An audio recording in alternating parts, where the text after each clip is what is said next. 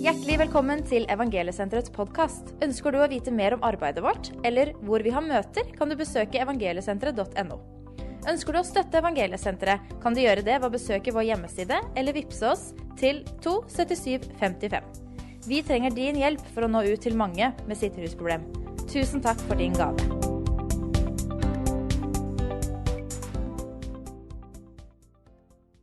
Vi kan stå her fordi at det er fullbrakt, Herre. Takk for det seiersropet i at det er fullbrakt, Herre.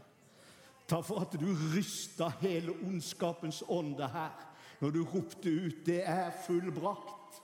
Halleluja. Takk for den seieren du gjorde for oss, Herre, i det ropet, Herre. Halleluja. Takk, Jesus, for at vi kan få lov til å ære deg i formiddag. Takk for at vi kan få lov til å stå her, Herre, og, og løfte opp ditt navn, Herre. Jesus, takk for at Østerbo skal være en plass hvor ditt navn blir æra, Herre.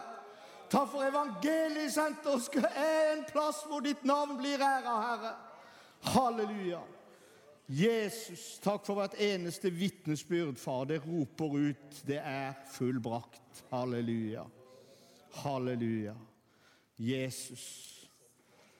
Jesus. Takk for at jeg fikk lov å komme her. Det er utrolig stor ære for meg å få lov å stå her. Og jeg blir både ydmyk og takknemlig. Um, det er utrolig stort å få lov å stå her og ære Jesus. Når jeg fikk spørsmålet fra Trond, han ringte meg, så, så kjente jeg bare med en gang Så begynte jeg å be. Herre, la det bli eh, Gi meg nåde til å ære ditt navn. Gi meg nåde til å ære det du har gjort på Golgata i formiddagen borte på Østerbo evangeliesenter. For det er det det dreier seg om. Og, og Frank, De som var her og hørte på Frank Erlandsen i går, det ble bare helt fantastisk for meg. Og en bekreftelse på at kanskje jeg tenkte var litt på sporet eh, i forhold til det han forkynte. Um, jeg tenkte på vitnesbyrd. Vitnesbyrd, vet du, det er fantastisk. Og så I 2005 så, så, så var Trond og Evangeliesenteret nede på Jeg var med der nede på Justøya på Brekkestø, på familiecampen der. Og så fikk jeg spørsmål om jeg ville vitne. Og så tenkte jeg jo, vet du, yes, nå må jeg virkelig gi gass her. vet du, sant? Wow!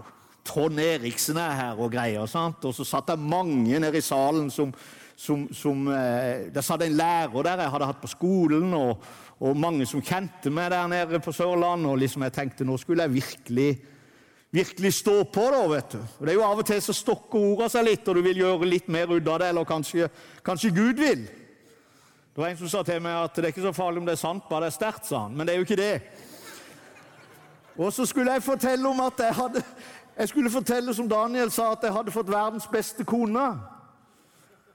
Og så klarte jeg å si det at uh, Og så har jeg fått verdens beste kone Eller den beste kona hittil. Det var noe sånn jeg klarte å si. Det, i hvert fall, det stokka seg fullstendig. Og jeg kjente bare, jeg ble helt pionrød og tenkte er det et hull jeg kan bare hoppe oppi og forsvinne stille og rolig? For dette her var jo bare Jeg kjente kjære Gud. Og så gikk Trond på etterpå, og så sto han sånn på plattforma. Altså. Ja, nå vet jeg ikke hvor lenge broderen har vært gift, men vi får håpe det holder. Og det har holdt, man! Så det er liksom av og til, Men det er herlig med vitnesbyrd. Jeg elsker vitnesbyrd. Jeg elsker å høre hva Jesus har gjort i menneskers liv. Uansett bakgrunn, uansett hva du har sittet i, uansett hva du er bundet av, så er Jesus mektig til å sette fri. Halleluja.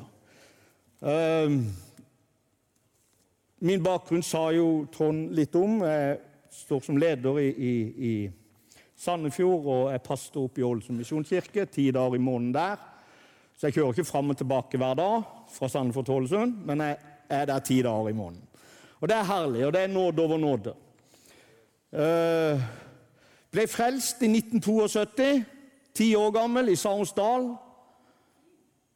Født på ny, døpt i Ånden, fikk et møte med Jesus, forandra livet mitt for alltid. Totalt. Eh, jeg mener at jeg, jeg, jeg husker ikke akkurat, jeg har ikke akkurat dato. Jeg mener jeg var tolv år. Mamma sier jeg var ti år. så da gir jeg meg. Men jeg ble døpt som tiåring. Og jeg kjente var det noe jeg ville, så var det å følge Jesus og begrave det gamle. Selv om jeg var ung. Nå har vandringa vært eh, litt eh, Litt sånn eh, jeg, jeg, jeg, falt fra i ungdomsåra. Jeg skal ikke ta den historien nå, jeg skal ikke ta hele det vitensbyrdet der. Men uh, gikk mange, mange år vekk fra Jesus. Men brannen i hjertet og lengselen tilbake til det jeg hadde opplevd i Sarnsdal som tiåring i 1972, den forfulgte meg hele tida. Men så er det sånn at når djevelen kører sinnet vårt, så, så, så, blir det liksom Alt blir så vanskelig. For meg så var det umulig å gå over ei dørterskel til en menighet. For selvfordømmelsen var så stor at det kunne jeg bare glemme. Jeg hadde aldri klart å gå inn i en menighet. Så Derfor så takker jeg Gud for evangeliesenteret. For der kjente jeg kunne komme inn. Og der kjente jeg ble møtt av mennesker som hadde en guddommelig kjærlighet. Og jeg fikk høre vitnesbyrd som sa at eh, Jesus, hos Jesus var det alltid ny nåde. Jeg fikk høre vitnesbyrd som Daniel, og så kjente jeg wow, vil du virkelig ha meg tilbake igjen? For meg var det helt ufattelig. Men jeg fikk høre, så tenkte jeg kanskje det er håp for meg, og kanskje Jesus, at du vil ha meg tilbake igjen. For det om jeg har vært vekk i 25 år. Så der på inntaket i Porsgrunn evangeliesenter i 2003 så fikk jeg lov til å komme tilbake til Jesus. Og det er nåde over nåde. Det er nåde over nåde. Så jeg takker Gud for evangeliesenteret. Uh, I mitt liv så brukte i hvert fall Gud evangeliesenteret på en mektig måte. Jeg var i tre år i evangeliesenteret. Flytta bort til Sandefjord, fikk spørsmål om jeg ville starte opp på Mjølles gård. Det var nedlagt, det har vært rehabilitering der siden 1960. Det var nedlagt, det var helt tomt. Og eh, alle de bygningene står tomme. Og så tenkte jeg Gud måtte bruke noen som ikke hadde vett til å skjønne hva han sa ja til. tenkte jeg. Det er av og til sånn. En bare liksom sier ja, og så tenker han etterpå at det hjelper hva sa jeg ja til. Men det har vært ei spennende vandring. Står fortsatt på Mjølløst. Og, og uh, takker Gud for det samarbeidet og det vi har med, med Evangeliesenteret. Og Guds kraft flyter gjennom relasjoner. Hvis vi vil ha vekkelse, så må vi ha relasjoner med hverandre. Jeg tror det kommer ei tid der Guds menighet skal få lov til å reise seg på en helt spesiell måte. I Guds kraft. Gjennom relasjoner. Gjennom at vi finner sammen til hverandre. Og på den måten så skal vi få Norge tilbake til Gud. Norge skal tilbake til Gud. Halleluja. Um, jeg tenkte litt på det Frank Erlandsen han delte noen vers i går om ordet om korset er Guds kraft til frelse. Og jeg skammer meg ikke over evangeliet. Og så fortalte han om Martin Luther King for de som var her. Og dagen før Martin Luther King døde, i 1968, så holdt han en tale. Og så sa han det I am not afraid, sa han. Jeg er ikke redd. Because nothing can stop us. Det er ingenting som kan stoppe oss. Because I have seen the promised land. Halleluja. Du vet, Når vi har sett løftets landet, så har vi fått blikket for noe annet eller det som tilhører denne verden. Vi har fått blikket for noe som tilhører evigheten. Og det er det vi er med på. For vi har sett løftets lande.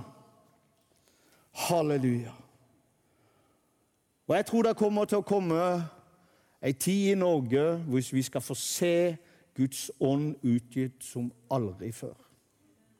Jeg tror det kommer til å komme en vind fra himmelen som kommer til å ramme dette landet til en vekkelse som vi aldri har sett før. Det drømmer jeg om, og det ber jeg om, og det har jeg sagt hele tida. Og folk kan godt si til meg ja, men det har ikke skjedd ennå. Jeg kommer til å fortsette å proklamere det. Om det er det siste jeg sier, så skal jeg si der kommer en vekkelse ifra himmelen over denne nasjonen. Halleluja. Halleluja. Paulus sa det at eh, jeg vil ikke vite noe blant dere uten Jesus Kristus og Han korsfestet. Halleluja. William Seymour, han som sto i den vekkelsen nede i, i, i Asusa Street, eh, han sa noe. Han sa det at om man oppsummerer det, er pinsens kraft bare enda mer av Guds kjærlighet. Hvis den ikke bringer Guds kjærlighet, så er det bare en forfalskning, sa han, som sto i den vekkelsen som Barat bringte med seg til Norge. Halleluja. Jeg tror at tegn, under og mirakler vil følge Guds menighet når vi fokuserer på Jesu Kristus. Han korsfestet. Jeg tror ikke vi skal søke tegn, under mirakler, men jeg tror vi skal søke Han. Jeg tror vi skal ære Han. Jeg tror vi skal forkynne korsets budskap, som vi hørte om i går. Som et resultat av det så kommer tegn, under og mirakler til å følge i fotsporene våre. Men vi skal opphøye Han, og vi skal forkynne det han gjorde på Golgata. Evangeliet er Guds kraft. Hva er evangeliet? Evangeliet er noe bestemt. Det handler om en mann som utførte et bestemt oppdrag. Det er evangeliet. Sann Gud og sann menneske som ropte ut 'Det er fullbrakt' når hans blod rant på Gålgata. Det er evangeliet. Guds kraft til frelse. Det som setter fri. Det er det vi skal forkynne. Det er det vi skal leve. Det er derfor vi er her på Østerbo, på landsstevnet. For det er kraft i evangeliet. Halleluja. De første kristne de spora aldri av de hadde hovedvekt på korsets budskap. Hovedvekt på korsets budskap. Og Jeg skal dele noen vers i formiddag. Enkle vers, men jeg elsker denne historien. Det er en sann historie. Det er et påskebudskap. Midt på sommeren så får dere et påskebudskap. Jeg kjenner bare det, for det ærer Jesus og det er han jeg vil lære. Fra minus til pluss, sa Frank Erlandsen i går. Og Jeg skal fortelle om en, lese om en mann som gikk fra minus til pluss. Det tok en stund før han kom til pluss, men han kom til pluss. Jeg skal dele fra langfredag i Matteus 27, vers 45 til 54. Der står det Men fra den sjette time falt det et mørke over hele landet, like til den niende time. Og ved den niende time ropte Jesus med høy røst, Eli, Eli, lama sabachthani. Det betyr, Min Gud, min Gud, hvorfor har du forlatt meg? Da noen av dem som sto der, hørte det, sa de, han roper på Elias. Og straks løp en av dem til, tok en svamp, fylte den med vineddik. Han satte den på en rørstav og tilbød ham å drikke. Men de andre sa, Vent, la oss se om Elias kommer for å frelse ham. Men Jesus ropte igjen med høy røst og oppgav ånden. Og se, forhenget revne, i tempelet revnet i to, ovenfra og ned. Og jorden skalv, og klippene revnet. Gravene åpnet seg, og mange av de hensovne helliges legemer sto opp. Etter Jesu oppstandelse gikk de ut av gravene og kom inn i Den hellige stad og viste seg for mange. Så står det Men da høvedsmannen og de som holdt vakt over Jesus sammen med ham, så jordskjelvet og det som skjedde, ble de grepet av redsel og sa i sannhet, dette var Guds sønn. I sannhet, dette var Guds sønn. Takker deg, Herre, for ditt nærvær, Jesus. La oss få lov til å se deg i formiddag som Guds sønn, som Messias. La oss få lov til å se deg. Jeg ber om nåde, Herre, over livet mitt. Nåde, Herre, til å formidle noe, Jesus, som ligger på hjertet mitt, far, for å ære deg. Jeg ber deg, Herre, i Jesu navn. Amen. Halleluja. Halleluja. Israel, et urolig land. Israel, et land som var okkupert av romerne. En offiser som var en voldsmann. En offiser som hadde tatt livet av mange mennesker. Fikk stå foran korset. Men det begynte skjærtorsdag dagen før. Det begynte ute i Getsemanehagen. Når Jesus svetta blod.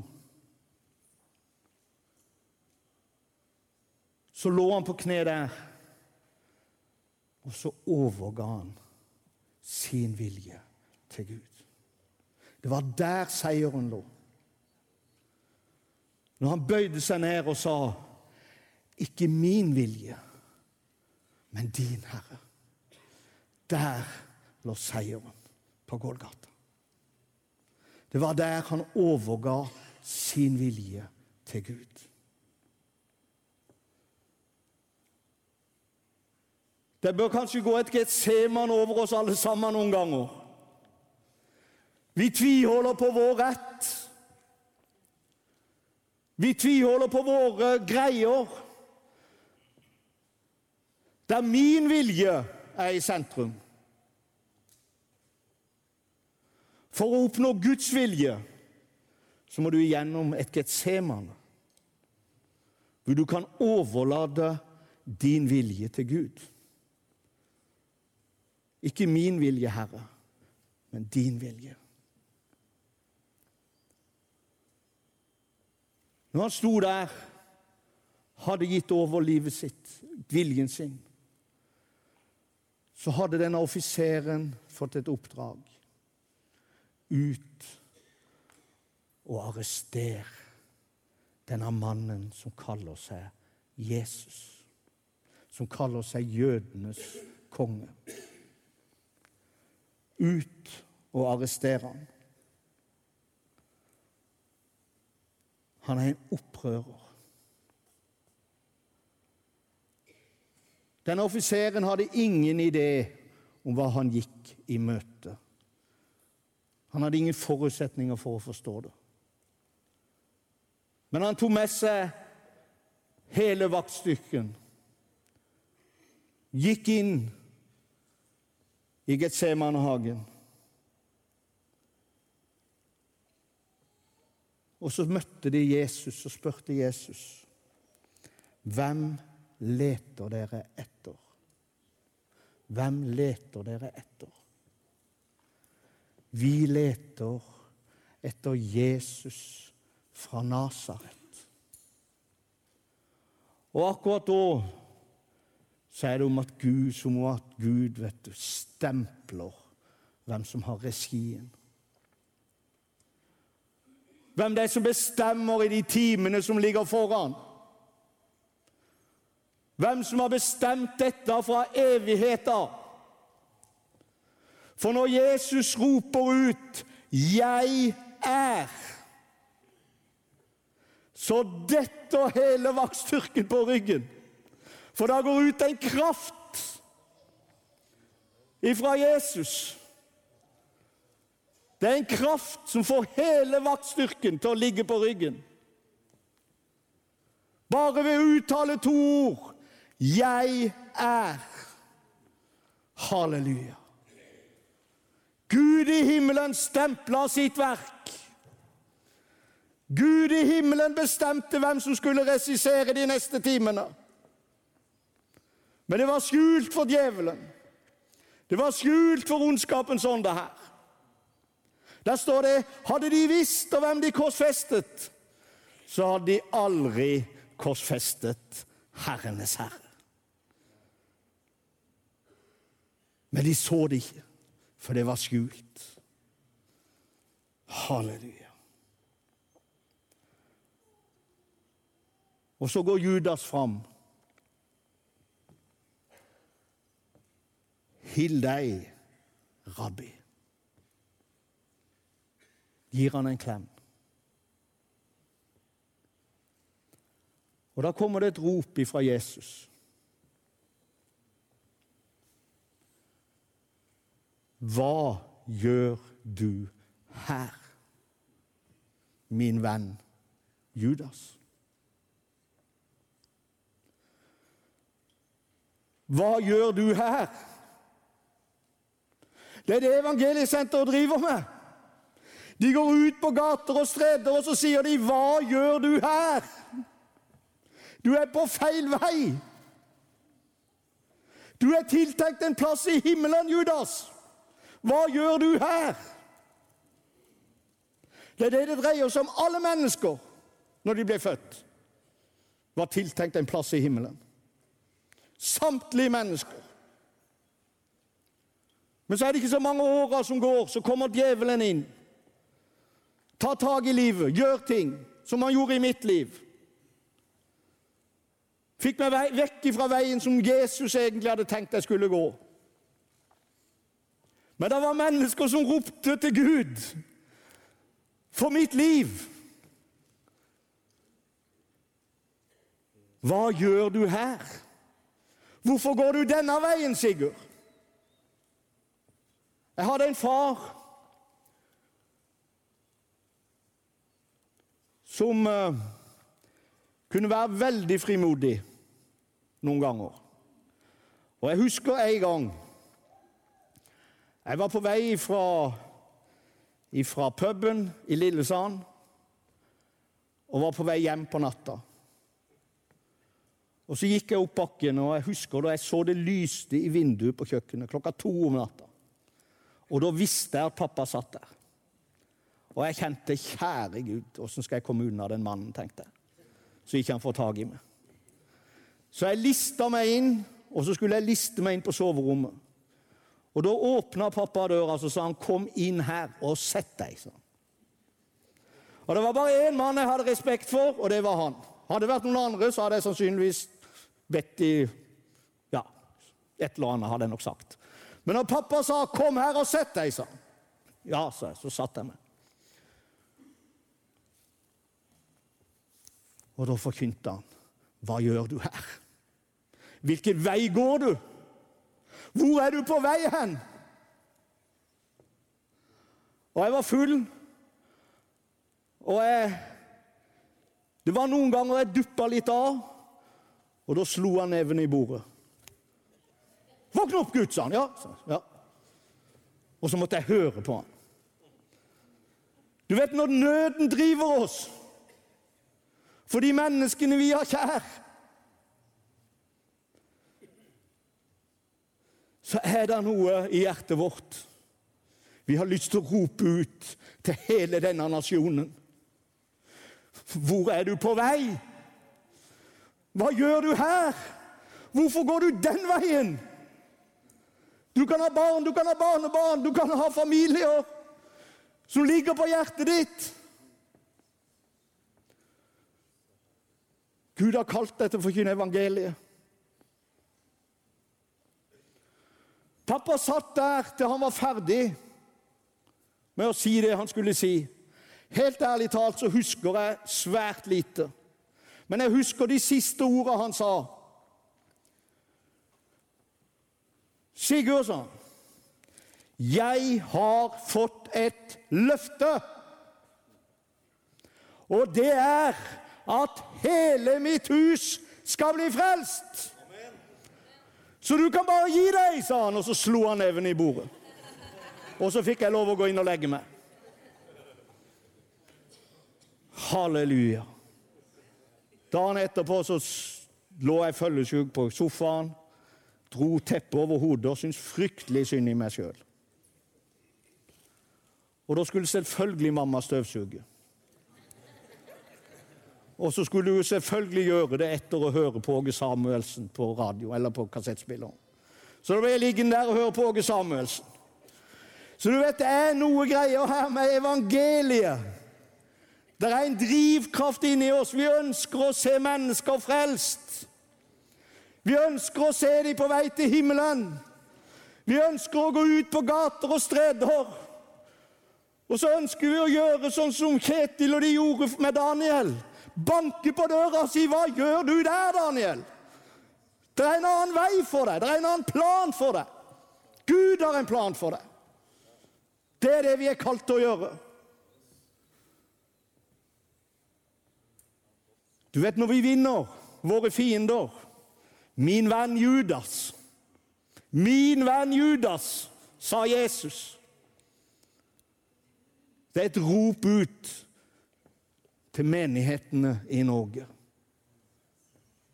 Der ligger en kraft i en tilgivelse.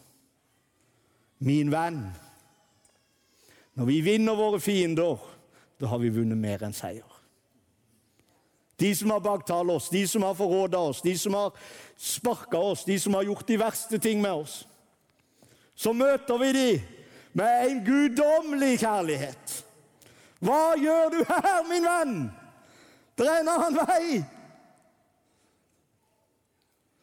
Daniel her, han fortalte til meg at det å få lov til å stå borte hos dere i Bergen, det var nåde over nåde, sa han.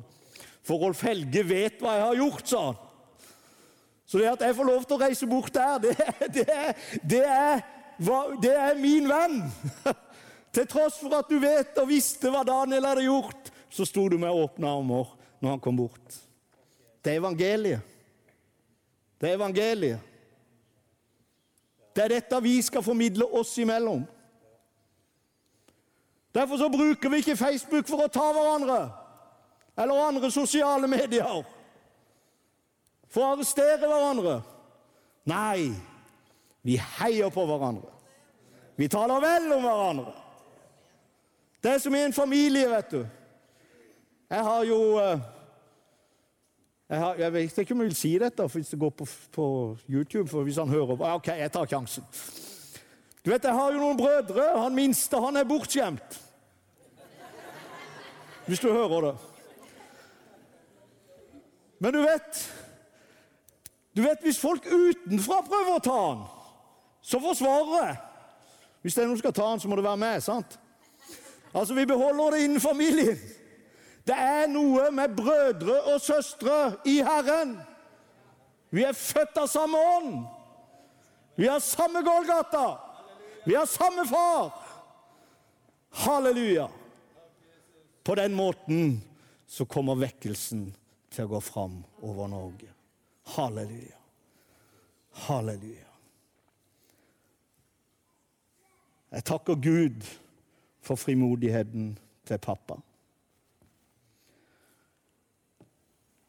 De tar tak i Jesus.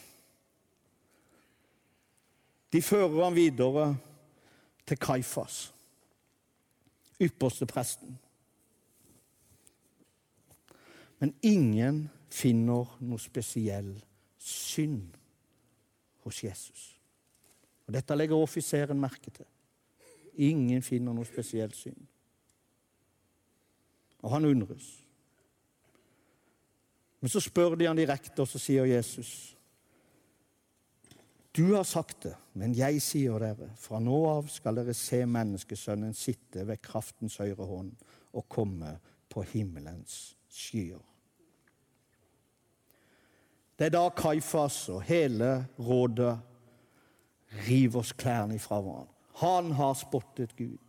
Nå skal vi ta han, nå skal vi piske han, nå skal vi spytte på han, nå skal vi, nå skal vi, nå skal vi få han til å knekke. Det var poenget. til offiseren. Overlatt til Pontius Pilatus. Men under anklagene så svarer han ikke med et eneste ord. Offiseren blir veldig forundra. Hva er det med denne mannen? Hvem er fange? Hvem er fri?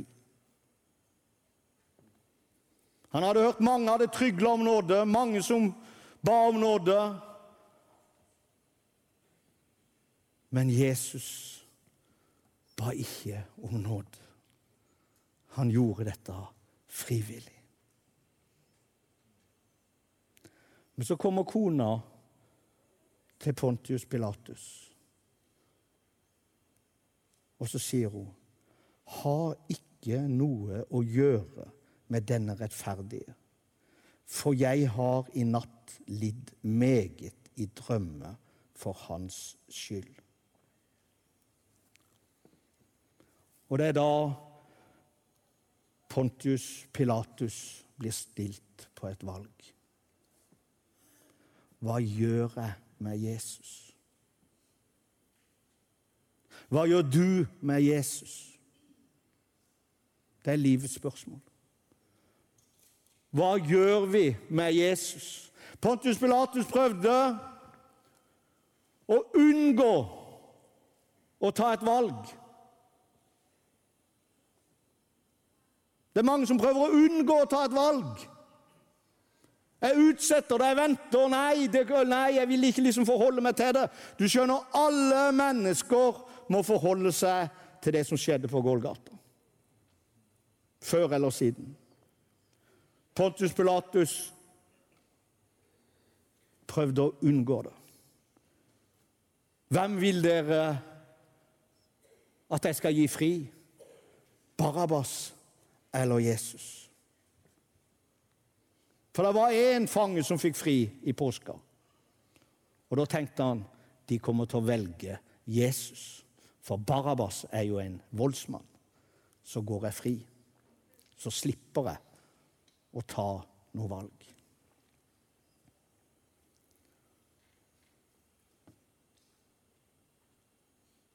Hvem velger dere?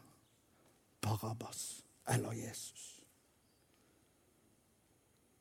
Gi oss Barabbas.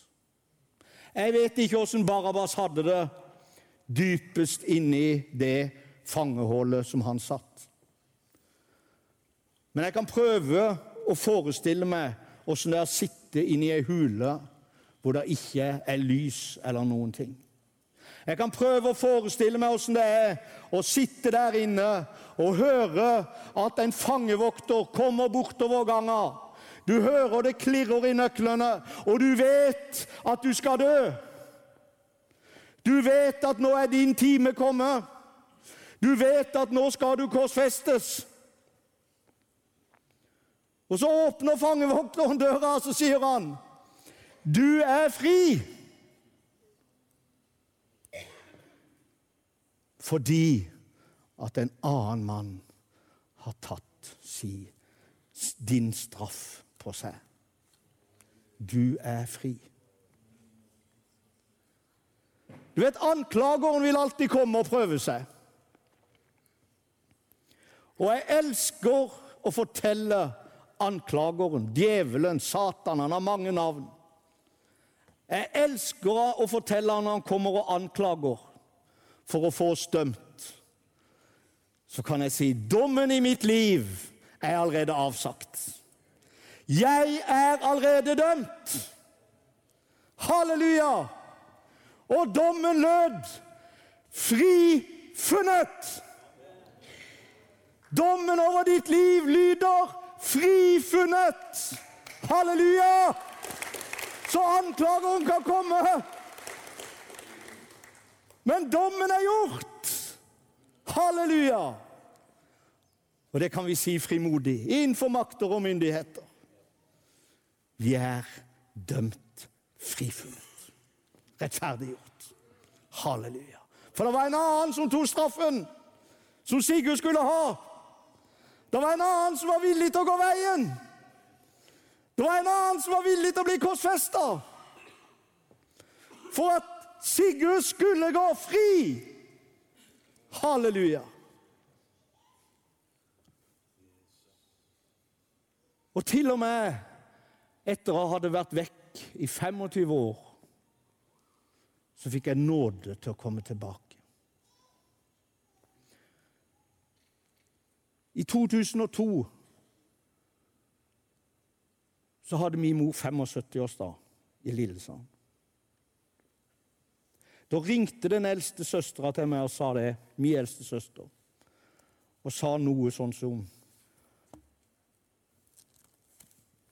Sånn som eh, Akkurat for noen ord hun brukte, men hun sa noe sånn som at eh, du trenger ikke å komme, Sigurd, i 75-årsdagen til mamma. Eh, og grunnen var jo det at jeg var jo allerede edru. Så det forsto jeg veldig godt. Jeg var egentlig bare glad til. Og jeg satt i den campingvogna på Tingsaker i Lillesand med vinflaskene rundt meg mens resten av familien hadde 75-årsdag. I 2003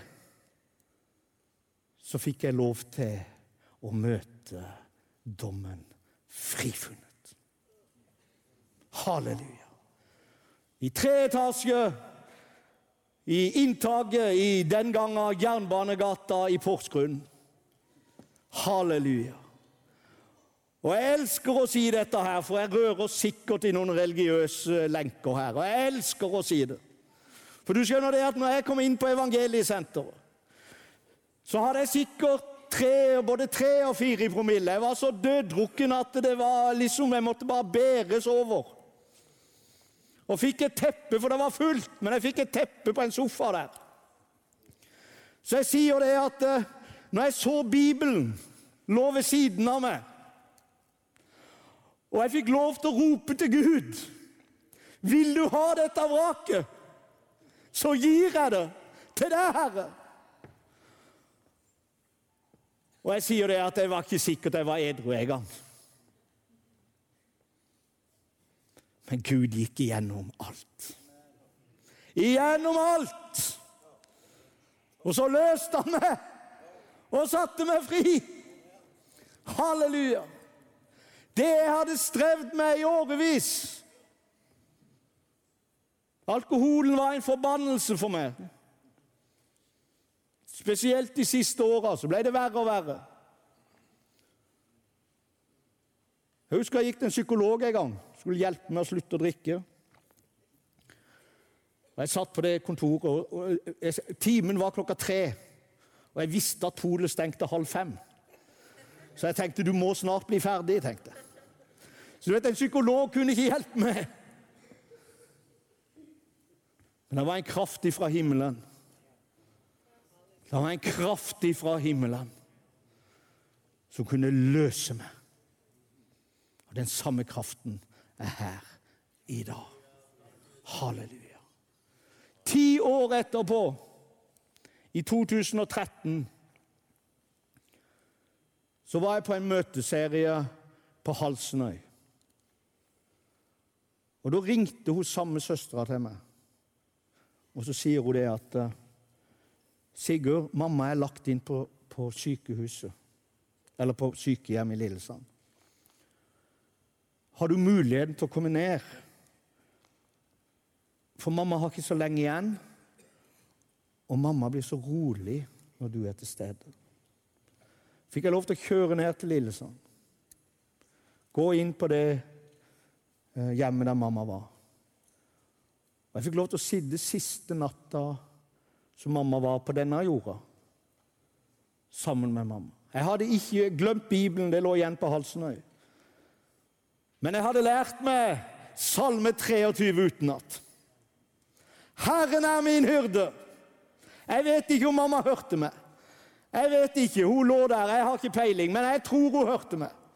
For jeg satt i hvert fall og talte Salme 23 inn i henne hele natta. Om jeg enn vandrer i dødsskyggens dal, så er du med meg. Du er min kjepp, du er min stav. Halleluja.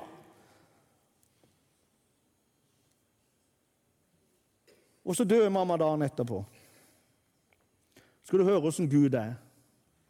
Søk først Guds rike og hans rettferdighet, så skal du få alt det andre i tillegg. Alt det andre i tillegg. Så ringte jeg til Gunnar Jeppestøl. Og så spurte jeg Gunnar Jeppestøl om han kunne forrette i mammas begravelse. Så sier Gunnar Jeppestøl til meg at nei, Sigurd, jeg skal ikke forrette i den begravelsen, for det skal du gjøre. Ti år etterpå, hvor ikke jeg var ønska i 75-årsdagen til mamma, så kunne jeg få lov til å stå i Lillesand kirke. Og jeg kunne få lov til å si at mamma ligger ikke i den kista der. Mamma er hjemme i himmelen. Mamma er hjemme i himmelen. Og hvis noen av søsknene mine hører på nå, så kan jeg si at alle bønner er hørt. Jeg skal møte henne der. Og det skal du òg.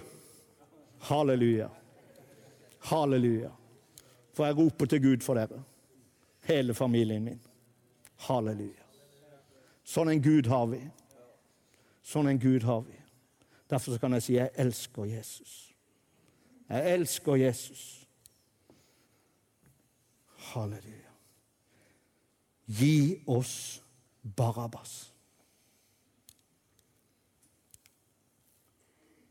Hva vil dere jeg skal gjøre med han dere kaller jødenes konge?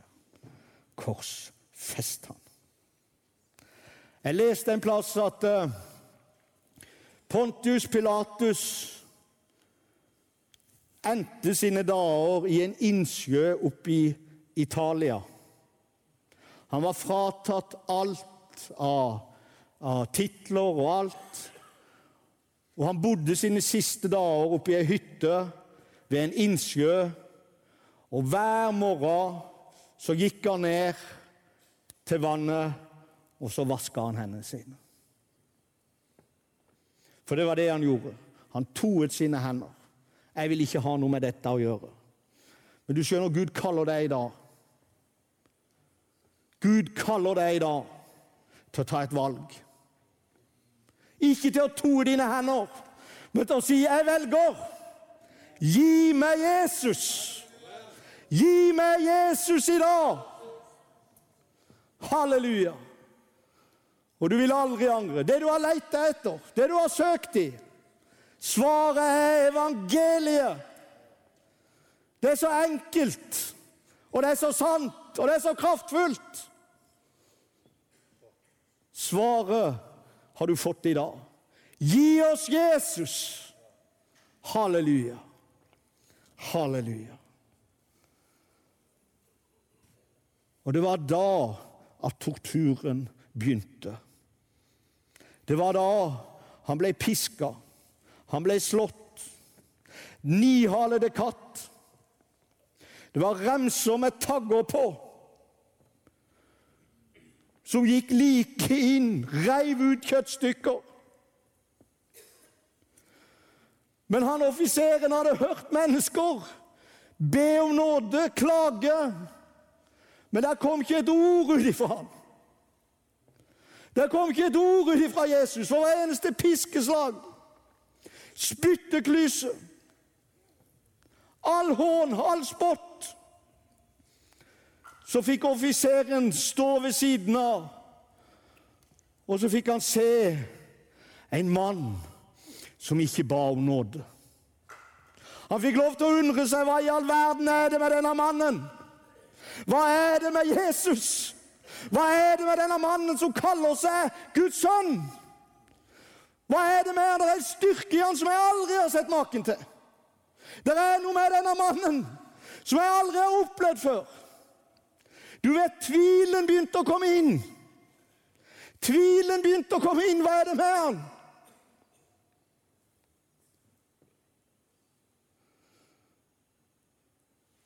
Og så blir han plassert til å bære sitt kors. Via Dolorosa for dere som har vært i Israel. Via Dolorosa. Og jeg tenker Jeg ser for meg Jesus. Korset ligger der. De fleste, alle andre, ville bare lagt seg ned og sagt 'dette vil jeg ikke'. Jeg kommer til å dø uansett. Jeg kan like godt dø her. Men det er da der kommer en viljestyrke. Offiseren får se at det bor noe i denne mannen. Han vil til Golgata. Han skal opp til Golgata. Koste hva det koste vil, så skal jeg opp til Golgata med dette korset. Det er en drivkraft inni han. Det er en viljestyrke, det er noe guddommelig der som offiseren ikke skjønner noen ting av. Hva er det med denne mannen? Han vil jo til Golgata. Han vil jo opp der. Hva er det som skjer? Tvilen kommer inn i offiserens hjerte. Og de kommer opp til Golgata. Og de legger ned to røvere ved siden av.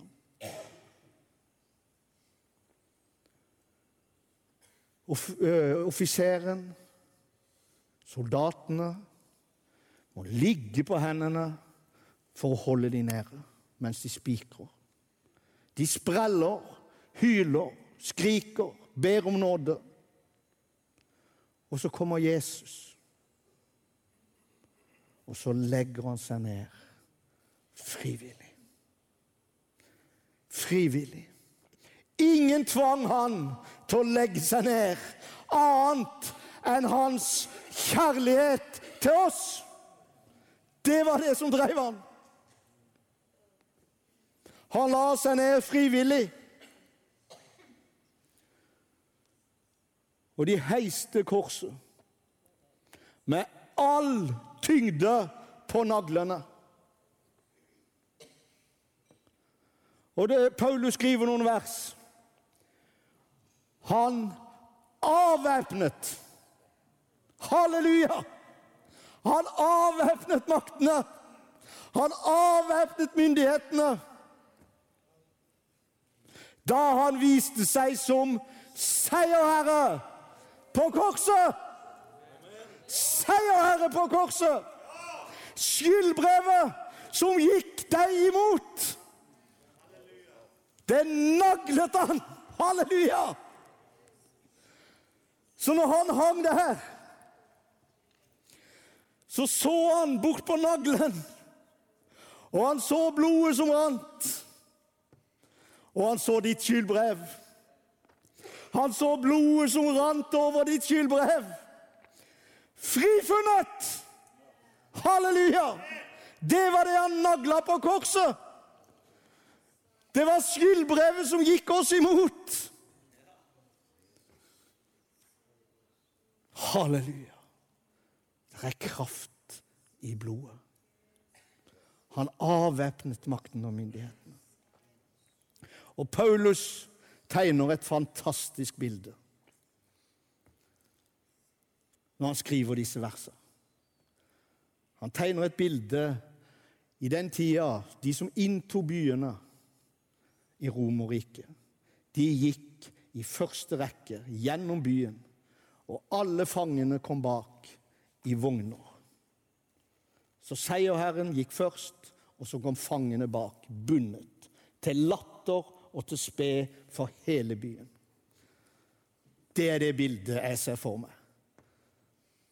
Han avvæpnet makten og myndighetene. Han stilte dem åpenlyst til skue. Jeg ser min Jesus i første rekke, og alle demoner ligger bundet bak han i alle vognene, alle sykdommer, alle nederlag, alle misbruk. Alt det ligger bundet. Halleluja! Hele min fortid ligger bak i vognene, for han avvæpnet makten og myndighetene. Og han stilte dem åpenlyst til skue da han viste seg som seierherre på Golgata kors. Halleluja! Denne seieren vant han for ditt liv. Denne seieren vant han for at du skulle gå fri. Denne seieren vant han for at du skulle bli løst. Denne seieren vant han for at familien din skulle bli løst. Halleluja. Djevelen kan aldri noensinne reise seg igjen etter nederlaget på Golgata. Minn han på det døgnet rundt. Minn han på blodet som gikk over skyldbrevet i naglene. Du er ren og rettferdig og himmelen verdig. Halleluja. Så når anklageren kommer, så har vi våpen. I kraft av lammets blod og det vitnesbyrd de vitnet. Halleluja. Seieren, seieren ble vunnet på Golgata. Halleluja. Han hang der. Det ble mørke i tre timer. Stummende mørke. Mens offiseren gikk foran og tenkte hva er det som skjer? Han fikk lov til å oppleve en kamp. En kamp som han aldri hadde vært med på før. Det var en kamp mellom Gud og djevelen. Universets midtpunkt på Golgata kors. Han fikk lov til å oppleve og høre at mannen på det midterste kors ble spotta av den ene røveren. Mens den andre røveren sa, 'Kom meg i hu når du kommer i ditt paradis'. Sannelig, i dag skal du være med meg i paradis. Halleluja. Halleluja. Derfor så elsker jeg Jesus. For jeg vet én ting. Jeg vet én ting. At når jeg lå på, i tre etasje i Porsgrunn evangeliesenter i 2003, så vet jeg én ting, at i det sekundet jeg tok imot Jesus, så var jeg ren og rettferdig og himmelen verdig. Jeg vet det var ingen forskjell på meg eller på Billy Graham eller Trond Eriksen. Vi sto likt innenfor Gud. Halleluja! Vi sto likt innenfor Gud. Derfor så elsker jeg Jesus. Om du kommer i den første eller den tolvte time. Halleluja. Resten er en helliggjørelse. Resten er et verk av Den hellige ånd. Derfor så kan vi ikke ta ære av det heller. Det er et verk fra himmelen, alt sammen. Du vet, Alle våre egne gjerninger de kommer til å brenne opp. Men de gjerningene som er gjort innen Den hellige ånd, halleluja, det er de som blir stående. Det er de som blir stående. Hvorfor? For at vi skal ha ingen ære, men han skal ha all ære. Så en helliggjørelse, det er frukt av rettferdiggjørelsen. Prøv aldri å helliggjøre deg sjøl. Jeg har prøvd. Katastrofe hver gang. Bare bøye seg ned og be om nåde. Halleluja. Halleluja. Halleluja. Og så kommer der noen rop ifra Jesus. Far, i dine hender overgir jeg min ånd.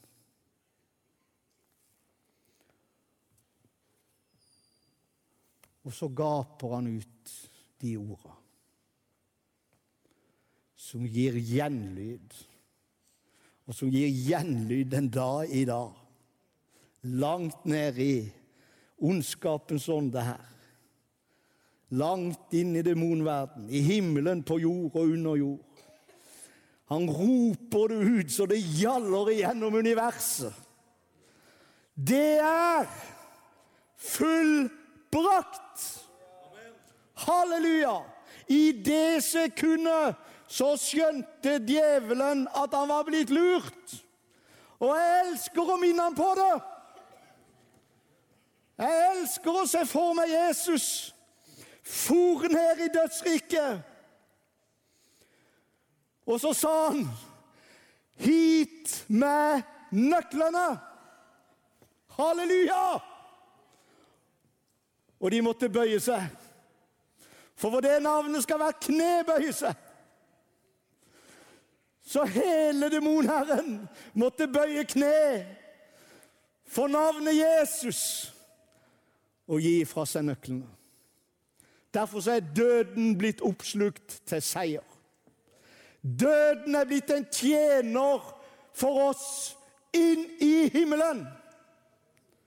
Så det som djevelen tenkte til nederlag, det vendte Gud til seier. Derfor så kan jeg si frimodig jeg skal møte mamma og pappa igjen. Jeg vet hvor de er hen. Jeg vet hvor de er hen, og jeg vet hvor jeg skal hen. Halleluja! For Jesus har frifunnet meg. Jeg er dømt rettferdig, jeg er dømt frifunnet. Halleluja! Og i dag så kan du si 'Jeg vil også bli frifunnet, Herre'. I dag kan du si 'Jeg vil gi livet mitt til deg, Jesus'.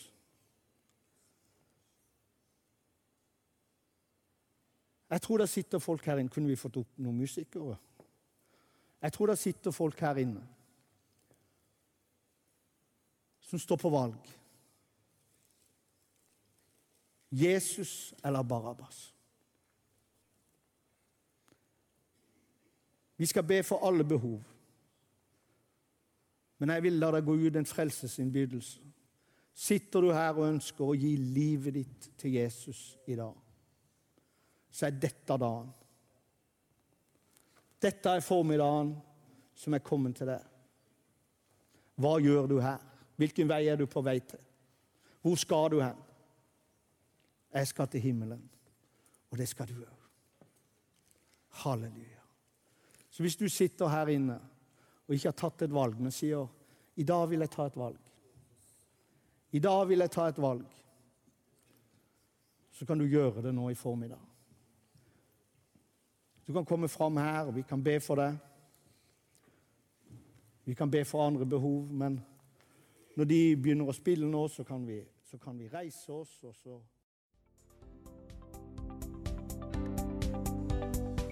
Takk for at du lyttet til Evangeliesenterets podkast. Vi håper at dette budskapet skal være til en velsignelse for deg.